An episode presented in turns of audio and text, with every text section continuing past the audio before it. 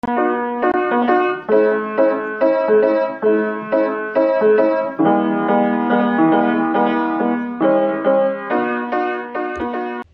podcastin Miqësisht e Lida. Le të flasim sot për diçka për burimet njerëzore. Siç folëm radhën e parë, po vazhdojmë me procesin e rekrutimit, me procesin e intervistimit.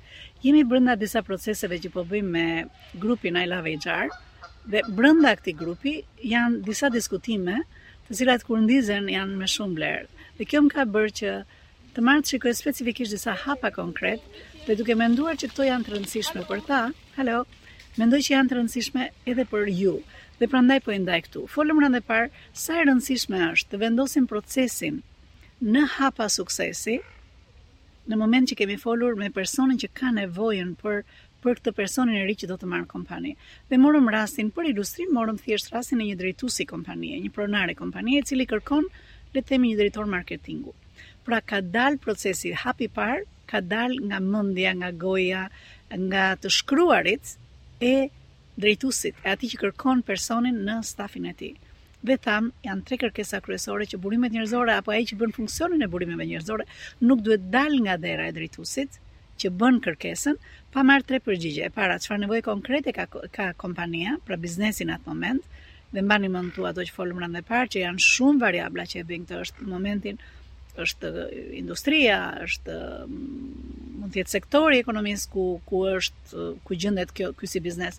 Dhe e dyta, sa dhe sa është bërë e qartë për nga drejtuesi e nevojës për marrjen e personit të ri,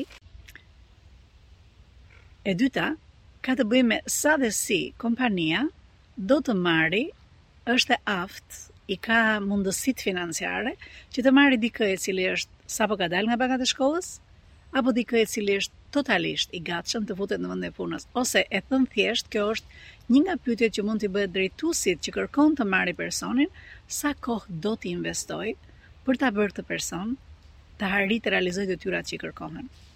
Dhe e treta kishte të bënte me karakteristikat personale të personave që kërkohen. Me këto tre përgjigje në dorë, ky është hapi i dytë që po diskutojmë, personi që bën burimet njerëzore, që bën këtë si funksion, që s'është e domosdoshme të jetë departament i veçantë, por është dikush që është i ngarkuar kjo detyrë.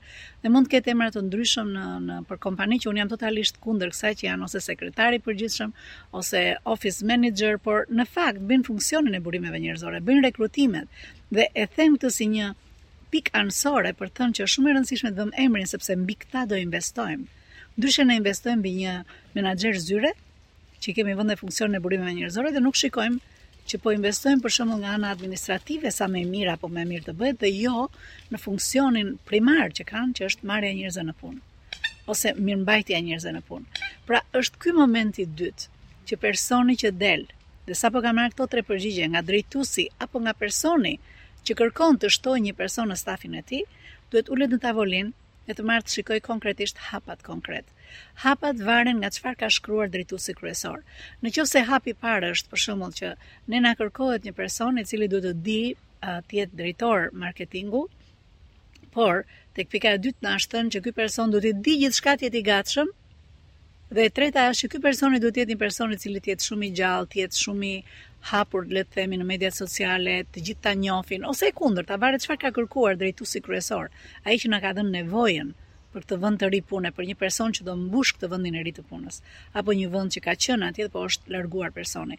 Burimet njerëzore këtu fillojnë konkretisht të marrin një kohë, duhet të marrin një kohë e cila i jep shumë të qarta rrugët që duhet të ndjek. Ndryshe, kalohet menjëherë nga një nevojë që është çfarë dhe po t'i referohemi mjetit tonë X është çfarë është artikuluar dhe duket që është artikuluar qartë, por nuk është vënë theksi si do komunikohet në tregun e punës.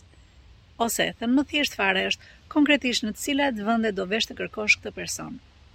Sepse ka ndryshime të jashtëzakonshme, le të themi që tek pika e dytë për shembull ti do njeri që të jetë i gatshëm, Në këtë rast mirë është të drejtohesh fjala bie rrugës së LinkedIn.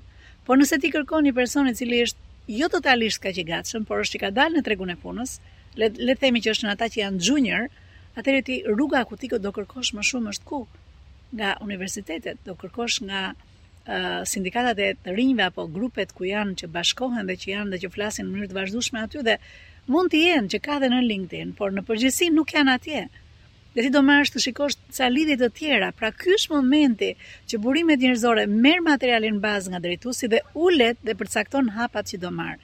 Është kjo kohë e domosdoshme për burimet njerëzore që më mbrapa ose del sukses procesi ose del e kundërta. Arsyeja pse? është sepse ne kemi për detyrë si burime njerëzore, si persona që punojmë, që mbulojmë funksionin e burime njerëzore, të përmbushim çfarë ekonom biznesi ka nevojë, çfarë realisht drejtuesi ka nevojë dhe të vëmë karakteristikat kryesore personale që mungojnë në grupin ku do futet personi që do vi.